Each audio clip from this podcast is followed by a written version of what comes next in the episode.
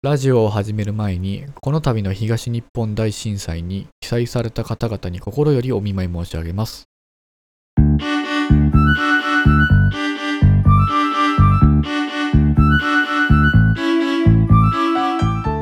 んにちは、ウィングレイの飛龍です。第3回ウィングレイ広報部を始めたいと思います。今回は先月リリースしましたキッチリモエウィークナミをご紹介したいと思います。まずはこちらをお聞きになってください。あなたの生活をサポートする。きっちり萌えウィークナミ組み合わせ自由のアラーム音声。1日1回の占い。タップしていただければお話もいたします。詳しくはウィングレイのホームページをご覧になってください。お使いしている私ナミがきっちり管理させていただきます。というわけでスケジュールアプリ第2弾で前作から機能がパワーアップしております。ナミの中の人は若林直美さんになっております。今回はタップして話す会話のボリュームがかなり増えたのに加えメガネのオンオフ占い機能逆算タイマー機能が追加されております。メガネのオンオフはお好みで設定してください。設定ボタンのところに項目があります。占い機能は1日1回のみ占いができます。ぜひ朝起きた時に占ってみてください。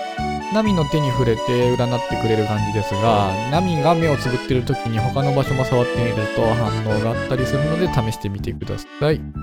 そして逆算タイマーは普通の逆算タイマーとは違い、時間ごとに音声が設定できるという感じになっております。カップラーメンの3分を測るだけではなく、複数の時間にも設定できますので、スポーツや計測など多岐にわたって使用できます。設定は保存されますので、設定し直したいときは、設定リセットのボタンをタップしてから設定をやり直してください。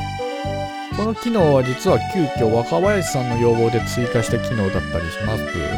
若林さんも iPad ユーザーでぜひこういう機能が欲しいと収録の時におっしゃってたんでつけることになりました。せっかくなので時間に声を設定できるというきっちり萌えウィークらしい今の形になりました。えー、ボイス収録の時間よりみんなで企画についてあれやこれや話してる時間の方が長かった気がしますね。むしろその時の会話をラジオで流したら面白いんじゃないかなと思うぐらいでした。まあ収録はしてなかったんですけどね。えー、話を戻しまして、波をタップして話をしてくれる機能ですが、ショートストーリーっぽい隠しネタがあったりするのでちょこちょこタップしてみてください。どんな感じなのか触ってみたいという方は、機能を制限した無料版もありますので、ぜひダウンロードしてみてください。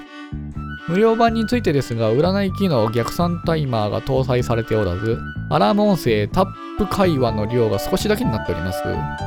完全版については350円で販売しております。どちらも App Store で検索するか、ホームページの方にリンクが貼ってありますのでご覧になってください。